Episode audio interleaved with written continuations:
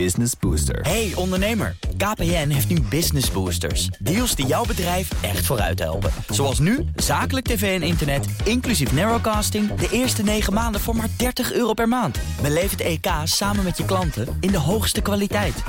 Kijk op kpn.com slash businessbooster. Business Booster. BNR Mobility wordt mede mogelijk gemaakt door ALD Automotive en BP Fleet Solutions. Today, tomorrow, together. BNR Nieuwsradio. Mobility. Meindert Schut en Nout Broekhoff. Nog geen maand geleden maakte Formule 1-auto circuit Zandvoort onveilig. Vandaag nemen e-bikes, speed pedelecs, elektrische motoren, auto's de baan over tijdens de EV Experience. Wel wat minder geluid, vooral geluid van mensen. Ja, dat zeker. En een paar voertuigen op, eh, op waterstof. Eh, maar goed, die, eh, die maken ook geen geluid. Over die rol van waterstof in mobiliteit spreken we straks de voorzitter van het H2-platform.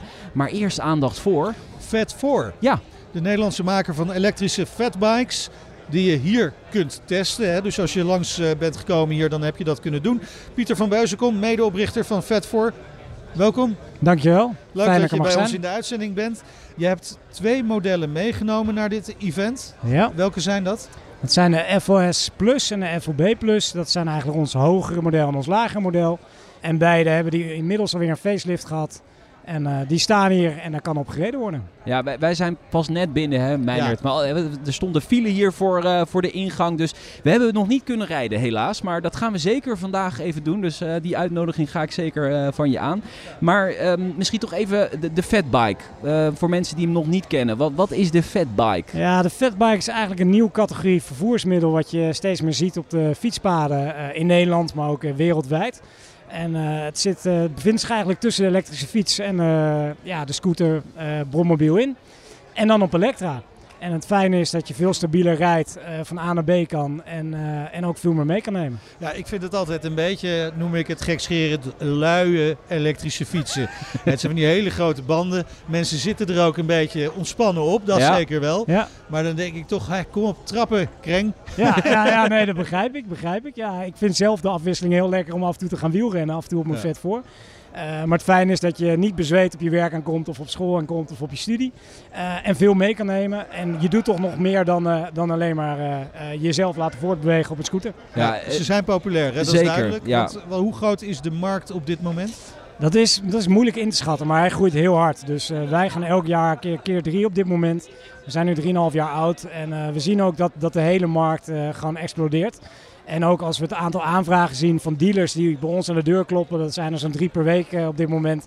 eh, dan merk je gewoon, er zit gigantische swing in. ja. Maar eh, kunnen jullie die vraag dan ook nu al beantwoorden? Kun je dat aan? Kunnen we die vraag aan? Nou ja, wij bouwen zelf de bikes. Dus dat is natuurlijk wel vrij uniek. En op dit moment is het bouwen en het produceren van alle onderdelen die in de fiets zitten wel de belemmerende factor. Vanwege Dus- tekorten. Ja, maar je wilt het ook goed doen. En je wil ook, eh, ook op een secure manier opschalen. En zorgen dat je kwalitatief goed product in de markt Ja. zet. En je kan natuurlijk wel gigantisch eh, opschalen met externe partijen. Maar wij merken gewoon dat de kwaliteit dan ook moeilijk te handhaven is. En wij zien het ook aan andere producten in, eh, in de markt. Niet per se fatbikes, maar ook andere fietsen, andere auto's. Je moet het gewoon gedegen en bewust doen. En daarom bouwen wij heel erg goed aan ons product en aan onze organisatie. Ja. Zijn, er, zijn er andere Nederlandse fatbike-makers? Of, of zijn jullie de enige? we zijn de enige die het echt in Nederland bouwen. Eh, natuurlijk, eh, nou ja, eigenlijk als je naar alle fatbikes ziet, die worden eh, geïmporteerd vanuit Azië. En hier wordt het stuurtje recht gezet en de trappers opgedraaid. Ja, ja. Ja, maar precies. het bouwen, kijk, wij, de frames komen uit Nederland en eh, heel veel parts komen uit Nederland. Dat is ook onze focus. Eh, dus wij doen het helemaal hier. Ja. Nou, voor de luisteraars die af en toe iets geks horen, behalve de mensen om ons heen die je hoort praten. We zitten naast een testlocatie, hè, Ja. Nout? Dus er komt hier af en toe komt er een eh, elektrische Ja, dat is een cake. Een cake heet, eh, heet, eh, heet, heet die soort fiets. elektrische motor. Ja, dat een lijkt wel crossmotor ziet het eruit. Ja, het is een soort kruising tussen een fiets en een, en, en een crossmotor, ja. Ja. ja. Nou Het ziet er goed. bijzonder uit. Je kunt dus eh, van alles eh, testen, is hartstikke interessant. Maar wij hebben het over de fatbikes. Je zei net al, hè, fatbike kan een alternatief zijn voor eh, de bromfiets, de scooter, elektrische fiets. Is het ook een alternatief voor de auto? Wij merken van wel. Wij hebben eigenlijk best wel veel klanten. En wij horen het ook van dealers dat hun tweede auto de deur uitgaat. En meestal hebben mensen een tweede auto Ja. voor in het dorp of in de stad. Eh, en dat ze dan onze fiets gaan gebruiken. Dat zagen we natuurlijk ook al met de bakfiets ontstaan de afgelopen jaren. Maar nu ook met onze fiets, omdat je er zoveel mee kan. Eh, het is duurzamer, het is minder kostbaar. Je betaalt niet elke maand een eh, fee, dus je kan hem ook laten staan en het kost je geen geld. Ja. Dus ja, wij zien die verschuiving ook plaatsvinden. Ja, maar in, in een bakfiets kun je nog wat, ja, wat meenemen. En in, ja, met een fatbike Ja. wordt, dat, ja, wordt dat wel lastig. Ah, ja, goed. Wij, eh, wij hebben vanuit eh, meer, een, meer een, een hersenspinsel hebben wij een sidecar ontwikkeld. En die Oh, ja? wordt nu veelvuldig verkocht. Dus eh, ook bij ons kan je nu veel spullen meenemen. Ja, ik, ik zag ergens een foto voorbij komen met een, met een hondje erin. Dat vond ik Ja, wel eh, ja, een ja. vertederend beeld om te ik zien. zie ook mensen op die dingen rijden met twee kinderen achterop. Dus het, eh, dat kan Ja. allemaal. Ja, je kan, er, je kan er een hoop mee. Ja. Ja. dat ook mee. Eén voordeel van de fatbike, misschien wel ten opzichte van de scooter hè, en de, de, de snorfiets, is dat er geen helmplicht voor geldt. Ja. Eh, gaan jullie daarvan profiteren, hè, van die algehele helmplicht voor bromfietsen per 1 januari? Ik denk dat je wel een bepaalde verschuiving gaat zien. Ehm, want er zijn gewoon veel mensen die die helm toch maar een onding vinden. Ja, slecht voor je haarstijl hè. Ja, Dat soort je, je haar zou maar door de war gaan. Ja. dat, dat wil je toch niet? Nee. Ehm, nee, maar zonder gekheid. Ik denk wel dat dat gaat gebeuren. En dat is gelijk het meest, een van de pijnlijke punten. Dat eh, willen we dat wel met z'n allen. Dat eh, die helmplicht er komt en dat we die verschuiving in de markt zien. En je ziet ook dat de politiek en eh, eigenlijk de beleidsmakers aan het zoeken zijn van hoe gaan we dat nu inrichten. Want de markt explodeert met alle, nou in dit geval e-mobility, vervoersmiddelen. Ja. Eh, en dan krijgen we nu die helmplicht bij, eh, bij de scooters die harder dan 25 gaan. Ja. wat gaat er gebeuren en welke kant gaan we op? Ja, want denk je niet dat het uiteindelijk gaat leiden tot een algehele helmplicht ook voor elektrische fietsen bijvoorbeeld? Zou wordt kunnen, al wel zou over kunnen. gesproken Er wordt af en toe over gesproken. ja. Ehm, zou kunnen, maar ik sta daar niet afkeurend tegenover. Ik denk alleen niet dat het de oplossing is om de markt in toom te houden. Ik denk dat het veel meer is in te zorgen dat je kwalitatief goede producten de weg op stuurt. Dat producten gekeurd gaan worden. En dat ze in het geval van een fiets ook maximaal 25, 26 rijden. En niet, als we nu zien, zien we sommige idioten met 40 over het fietspad heen knallen. Met mechanische remmetjes en met dichte remschijven. Die eigenlijk helemaal niet daarvoor, Daarvoor bedoeld, bedoeld zijn. zijn. Ja, precies. Want da- daar waren ook zorgen eerder deze maand over. Eh, de Fietsersbond trok bij ons in de show aan de bel. Die zeggen, ja, heel veel van die fatbikes die worden nu uitgerust met een, met een gashendel. Ja. Dus die ontwikkeling is slecht. Ook voor jullie, voor de eh, concurrentiepositie. Nou ja, we zien het eigenlijk dus wat er bij de brommers en de scooters gebeurt. Daardoor krijg je nu eh het hele verhaal met die helmplicht. Ja. Omdat heel veel mensen in mijn ogen eh, die apparaten veel te hard hebben laten lopen en er roekeloos mee omgaan. Ja. En dat probleem gaan we, verwacht ik als we zo doorgaan, met de hele e-mobility. Dus met de fatbikes, maar ook de andere elektrische fietsen en stepjes ook krijgen. Ja, dus, dus eigenlijk vraag je om een, een visie van de overheid op, op alles wat eh, rondrijdt op dit moment. Ja, ik denk dat het hartstikke goed is. En ik denk dat het heel goed is om producenten en de markt en, en de beleidsmakers van Ja. gemeentes en overheden daarbij te betrekken. Om met elkaar tot een goede invulling te komen.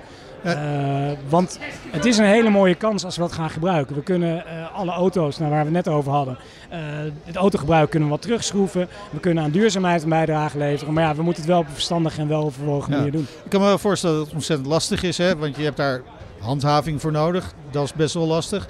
Maar je zet ook heel veel van die producten, zo'n gashendel of zo'n fatbike, die is gewoon aftermarket te Ja, kopen. Ja, Ja, daar hebben jullie als producent dus ook eigenlijk helemaal geen invloed op. Nee, dat is voor ons ook heel moeilijk. Ehm, je, je kan ze, je kan ze gewoon op Alibaba kopen. Ja. En eh, je, als je een beetje technisch bent, kan je met elke elektrische fiets kan je aan de gang en kan je de instellingen veranderen en zijn gashendel erop pluggen. Het is heel erg moeilijk om, om dat helemaal eh, eh, dicht te metselen, zeg maar. Ja. Dat is voor ons producent best lastig. Maar het is ook de vraag, wil je dat? Want onze concurrentiepositie komt dan in de markt ook Precies. gelijk ter Ja. discussie te staan. Ja, ja, en dat ja. is een hele... Ja, het is heel moeilijk om dat te zeggen, maar dat is wel wat er gebeurt. In, eh, in Amsterdam gaan ze wel starten met projecten met geofencing. Hè? Dat gewoon zo'n fiets dan doorheeft dat hij in een bepaald Ja. gebied heeft en Ja. gewoon echt niet harder Ja. kan. Ja. Is dat iets waar je, eh, dat, wat je ondersteunt? Ik denk dat het een hele mooie beweging is. Ja, zeker. Ja, ja nou, dat, dat zijn Ja. ontwikkelingen die nog, eh, nog gaande zijn. Eh, wat jullie al wel binnen hebben, is een, is een mooie investering. 1 Ja. miljoen euro. Gefeliciteerd daar nog Dankjewel. mee. dankjewel. Ehm, waarin gaan jullie dat geld investeren? Ja, dat is, dat is een mooie vraag. We zijn heel erg bezig, waar we het net ook over hadden, om een eh, solide business neer te zetten. We zijn constant bezig met de doorontwikkeling van ons product. Eh, we schalen heel hard. Eh, fietsen zijn nog steeds een eh, seizoensgebonden product. Al merken we met onze categorie dat, die, eh, ja, dat best wel de verkoop ook in de winter goed doorgaat. Dus je kan ook wel indenken dat je een bepaalde belasting hebt op je cashflow. Eh, maar met die hele eh, schaalbaarheid van onze organisatie gaan we ook investeren in nieuwe producten waar veel grotere financiële behoefte aan de voorkant is om bijvoorbeeld mallen te maken of lasrobots in te kopen. hoe de zadels gemaakt worden, nou allemaal parts. Er zijn eigenlijk de investeringsbehoeften aan de voorkant veel groter dan wat we nu hadden. Dus dat is eigenlijk de hoofdmoot waar we nu het geld voor gebruiken. Dus echt puur groeien. Ja, en wat is dan uiteindelijk in de toekomst jullie ambitie? Ja, onze stip aan de horizon is natuurlijk om, om een soort marktleider van fatbikes in Europa te zijn. Uh, maar onze achterliggende visie is wel om dat op een uh, ja, vakkundige, vakkundige, kwalitatief goede manier te doen. Ja. En ook om daarmee een push te geven aan duurzaamheid. Want bij ons, kijk, wij zijn, niet, wij, wij, zijn niet het beste jongetje van de klas, zeker niet. Maar wij geloven wel met elektrificering dat we een mooie stap maken. Mm -hmm. En wij maken bij elke call die wij in de onderneming maken ook de afweging van is dit duurzaam of niet. En kunnen we het dan wel duurzaam doen. Dus ja. uh, dat is ook wel de onderliggende visie van ja, En je hebt het dan als stip op de horizon marktleider in Europa op dit gebied. Uh, hoe, hoe, is jullie operatie in Europa op dit moment? Op dit moment uh, hebben we eigenlijk best wel reactief naar het buitenland gekeken. Ja. Om te zorgen dat we de business in Nederland goed op orde hebben. Onze klanten goed kunnen bedienen. Om uh, de dealers goed te kunnen bedienen. Uh, maar we zijn nu voor volgend jaar zijn we de, ja, eigenlijk bezig om, om in Europa meer voet aan de grond te krijgen. Maar we merken wel dat heel veel dealers en partijen uit Europa ons nu opzoeken om dealer te worden. En zo hebben we al een dealer in, in Berlijn. Of sorry, in Duitsland, Italië, Oostenrijk, Engeland.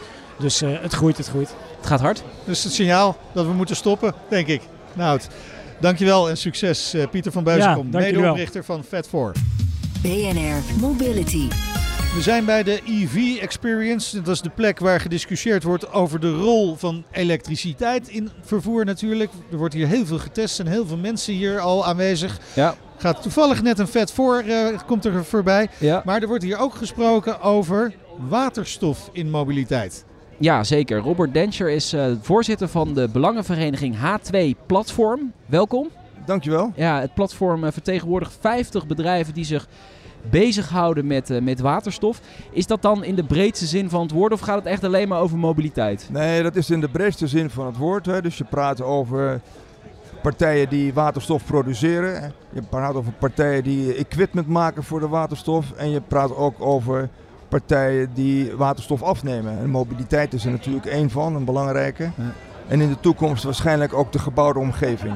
Ja. Ik vind 50 bedrijven die zich bezighouden met waterstof best behoorlijk eigenlijk in Nederland. Ja, is het ook. Hè? Je, je praat over de grote petro, de oude petrochemische industrie. De, uh, maar je praat ook over het midden- en kleinbedrijf. Hè? We hebben een bedrijf als Resato. We hebben maar, maar we hebben ook als lid het bedrijf Remeha. En die maakt verwarmingsketels. Ja. Ja. Dus dat hele scala is bij ons uh, aanwezig. Is het aantal bedrijven dat zich bezighoudt met waterstof harder aan het groeien dan het aantal tankstations waar je waterstof kunt uh, tanken? Flauw, flauw. Nou, het, het aantal groeit, maar het aantal tankstations groeit ook. Uh, we zitten nu op 15 à 16. Uh, eind volgend jaar hoop op 25 te zitten. We hebben dit jaar wat vertraging ondervonden vanwege de COVID en allerlei vergunningen. Maar er is nog steeds groei. en er is nog steeds. Uh, het loopt wel natuurlijk een flink aantal jaren achter op batterij-elektrisch. Ja, hoeveel jaar? Nou, ik schat tussen de 7 en 10 jaar achter. Zo. Ja, we hebben nu uh, we hebben twee modellen in de markt. Hè. De Nexo van Hyundai en de Mirai van Toyota. Mercedes is aan het testen met een GLC in ja. Duitsland. En BMW heeft net ook een model aangekondigd, ongeveer in de 5-serie. Ja, BMW zegt heel bewust, uh, wij kiezen niet alleen voor batterij elektrisch. Wij willen waterstof er ook bij houden. En, en ze, ze komen dus ook met een model op, op de markt. Ja, nou, dat is een van de dingen die we ook propageren. Je moet de auto kopen waarvoor je het nodig hebt. Ja. Dus korte afstanden, weinig belading, is een batterij-elektrische auto ontzettend handig. Dan moet je die kopen. Als je lange afstanden rijdt, uh, flexibel wil zijn, uh, een, een, lange uptime wil hebben, dan is waterstof uh, wel een veel betere oplossing. Ja, maar goed, Omdat je met vijf minuten. Ja, heb ik, vijf, ik, ik rij zelf. Ik heb met vijf minuten heb ik 5,5 kilogram waterstof getankt. En dan kan ik bijna 600 kilometer op rijden. En, en wat kostte die tank? Die tank die kostte een jaar geleden kostte die 12 euro per kilo, inclusief BTW. En nu is het 16 euro per kilo. Ja, is nog steeds goed te doen dus. Ja, is goed te doen. Vergeleken ja, met de andere prijzen ja. aan de pomp. Maar oké, okay, maar en, en, toch is de rol die waterstof speelt in mobiliteit altijd gering. Dat heeft natuurlijk voor een deel te maken met het aantal pompstations waar je waterstof uh, kunt, kunt tanken. Maar misschien ook wel dat er uh, te veel focus is op batterij-elektrische voertuigen. Is dat, is dat een beeld wat u ook heeft? Nou, wat ik net zei, waterstof ligt uh, 8 à 10 jaar achter. Hè? Ja. Maar, maar goed, als is we dit gesprek over 8 à 10 jaar hebben, is het dan oh, ik denk heel dat, erg anders? Ja, ik denk het wel. Ik denk dat dan zeg maar de zwaardere auto's, hè, de middenklasses tot, uh, tot SUV's, dat je dan veel meer waterstof zult tegenkomen. Maar waar waterstof het meest tot zijn recht komt, zijn natuurlijk met, uh, zoals ik zei, zwaardere auto's, lange afstanden. Vrachtwagens. Uh, vrachtwagens, bussen, stadsverkeer, uh, stadslogistiek. Scheepvaart. Scheepvaart ook, jazeker. Waar je dus echt gewoon niet, één, niet een paar uur per dag rijdt, maar ja. twee shifts of zelfs drie shifts. Ja, die zie ik ook helemaal, maar ik heb gewoon heel erg het gevoel dat er is een soort van EV-lobby in Nederland. En die wil dat waterstof, dat, dat moet je niet hebben. En dat is het gevoel wat ik krijg. Is, ze beginnen ook altijd over de inefficiëntie van, uh, van waterstof. Dat moeten we niet willen. Je, uh, je verliest een hoop energie. Ja, er is een hele sterke lobby voor batterij-elektrisch. Nou. En die uh, vindt dat waterstof op zijn beurt moet wachten. Misschien is, is nou, misschien verkeerd uitgedrukt, maar ze geven waterstof niet de ruimte die we graag zouden zien. Een van de argumenten, je noemt het zelf, is de energie-efficiency. Ja. Uh, het is een feit dat waterstof is een energiedrager die je eerst moet maken. Ja. Dat kost energie. Aan de andere kant, de energie-efficiency van de batterij-elektrische voertuigen wordt vaak idealistisch voorgesteld. Alsof er geen beperkingen zijn in het, uh, in het net, de capaciteit. Hè. Uh, we hebben nu al te maken met netcongestie, dus het laden gaat ook niet zo makkelijk. Nee. En een ander aspect wat vaak vergeten wordt, is dat op een soort op een life cycle analysis basis de waterstofauto en de vergelijkbare batterij-elektrische auto heel dicht bij elkaar komen. En dat komt omdat, uh, zoals ik zei, ik rij met 5 kilogram waterstof. De vergelijkbare Tesla heeft 450 kilogram batterij. En die batterij heeft ook milieueffecten. En daar wordt vaak aan voorbij gegaan. Maar dat wordt steeds duidelijker dat ook die aspecten moeten worden meegenomen in de evaluatie. tegelijkertijd hebben ze ook niet ergens wel een punt. Hè? Als we kijken nu hoe uh, de waterstofproductie is en als we die echt groen willen hebben, ja. dan, dan, kost dat heel veel investeringen. Kun je niet beter zeggen, want ook, ook eh, de industrie heeft gewoon uh, een, een transitie nodig. Laten we waterstof nou gebruiken voor de industrie om daar die omslag te maken. En voor personenvervoer in elk geval batterij elektrisch. Want zeker in Nederland is dat eigenlijk prima te doen natuurlijk. Je kunt nu ook een paar honderd kilometer met een batterij-elektrische auto rijden. Dat kan, hè, maar als ik kijk naar eh, de echte logistiek. Als je praat met de partijen die voor Albert Heijn en Jumbo de spullen de stad in moeten brengen. Die hebben actieradius nodig, die hebben flexibiliteit nodig. Ja. En die krijg je niet op batterijen. Als ik dan van Den Haag naar Amsterdam rij en bij de A4 Ruigehoek eh, passeer en rechts 50, 50 eh, vrachtwagens die staan en links 50 dan denk ik bij mezelf, hoe gaan ze die vanavond opladen? Ja. Dan heb je een nieuwe hoogspanningsleiding nodig. Nou, als je daar waterstof neerzet, die kan je overdag op andere momenten gewoon aanleveren. Hm. Die trucks zijn in vijf minuten beleverd en ze kunnen weer verder. Ja. En dat zijn aspecten die tot nog toe te weinig uh, de aandacht hebben gekregen. En één aspect wat in die hele vergelijking ook nog niet uh, naar voren komt, is de chauffeurs kosten geld. Uh, dus als je die truck of die auto die taxi langer kan rijden. Als je, als je kijkt naar een taxibedrijf wat 24 uur taxis wil hebben. Je hebt dan uh, zeg maar anderhalve Tesla nodig om die 6, 7 uur moet opladen. Maar je kan met één Mirai of Nexo volstaan. Dus ook de kapitaalskosten daarvan zijn ook aspecten. Economisch gewin eigenlijk. maar Dit, dit verhaal moet toch ook bekend zijn in, uh, in Den Haag? Uh, jullie lopen daar ook rond. Maar wanneer komt er nou eens een visie op waterstof dat je denkt, nou, daar kunnen we iets mee voor de toekomst? Nou, daar zijn we al een aantal jaren mee bezig. Daar zijn we vorig jaar, hebben een hele slag gemaakt, maar we zitten nu... Jette heeft een uh, energie- en klimaattransitiefonds aangekondigd. Ja, de minister. Echter, daar moet eerst een wet voor komen voordat het geld uitgegeven mag worden. Ja? Dus daar is nu een beetje het wachten op. Ja, aan de andere kant, eh, ze hebben niet alleen maar oogkleppen op, gelukkig zou je kunnen zeggen. Deze week werd bekend dat de Europese Commissie ontwikkeling van waterstof steunt met 5 miljard euro. Zo. Dat is toch een flinke investering? Ja, de, het is een hele. Ja, dat, je moet het goed lezen. De Europese Commissie heeft toegestaan dat Ja. er 5,2 miljard het moet nog steun wel, ja, gegeven precies. gaat Oh. worden. Ja, het moet nog wel even op tafel komen. Ja. Hè, maar er zitten een, een flink aantal Nederlandse bedrijven tussen. Eh, Dat is hartstikke mooi. Eh, Het betekent gewoon dat er dus dis, eh, ja, dispensatie is van de EU-regels om staatssteun Ja. te geven voor die. En dat is heel belangrijk. Omdat het een innovatief product is. Ja, Ja. dat is heel belangrijk. Er zijn ook andere. En dat betekent dus dat eh, projecten die nu al in de rij staan om investeringsbeslissingen te gaan nemen, die kunnen nu voort. Dat zijn vooral partijen die eh, waterstof gaan produceren. Oké, het gaat vooral naar de productie. Ja, nou, Dat, dat, het is nog niet helemaal bekend wat, welke bedrijven allemaal precies wat krijgen. En vele van die partijen die een, eh, ook die productiesubsidie krijgen, die zijn ook aan het kijken naar hoe maak ik de keten af. Want waterstof produceren zonder verbruik is natuurlijk ook niet veel waard. Nee. Dus Nee, die kijken ook naar de grote industrie, maar ook naar mobiliteit. Ja, maar eh, ehm, we hebben elkaar eerder deze week gesproken om dit voor te bereiden. U zei ook van ja, het is best wel complex om die waterstof ook echt groen te krijgen. Eh, Dat is een uitdaging en eh, om dat ook te bewijzen. Het is makkelijk om het groen te maken, maar het is vooral het laatste punt. Hoe certificeer je het en hoe krijg je de juiste eh, kwalificatie waardoor je in aanmerking komt voor subsidies? Dat is een complex proces. Dat is op dit moment onnodig complex. Eh, ook daar zijn we bezig om met de overheden te werken, om wat te streamlinen. Zodat voor iedereen een stukje makkelijker wordt om dat te doen. Ja. Belangrijkste is natuurlijk die infrastructuur op orde krijgen. U Ja. zegt volgend jaar eh, 25 Ja. eh, eh, eh, tankstations aan het eind van het jaar. En dan in 2025? In de ambitie is, de hele sterke ambitie Ja. is om in 2025 eh, 50 te hebben. Oh, en kijk, als we op een gegeven moment dus duidelijkheid krijgen, ook van de, van de overheid en de subsidies waar we heen willen, dan verwacht ik dat dat ook wel eens gaat lukken, om en nabij. Je merkt ook nu aan de, als je praat met eh, autofabrikanten, hun supply chain is zo ja, opgebroken en complex. Eh, opgebroken door de COVID, dat ze hebben twee of drie jaar nodig om eh, de auto's te leveren. Ja. Of te allokeren moet ik zeggen, want ze produceren ze wel, maar ze moeten ook geallockeerd worden. ja.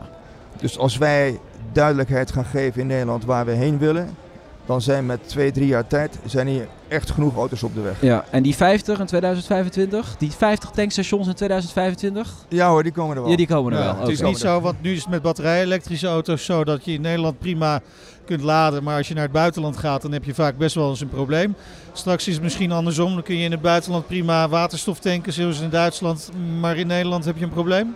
Nou, in, in, eh, dat weet ik niet. de, de netcongestie, eh, ja, de netcongestie gaat ons wel parten spelen en dat gaan we merken.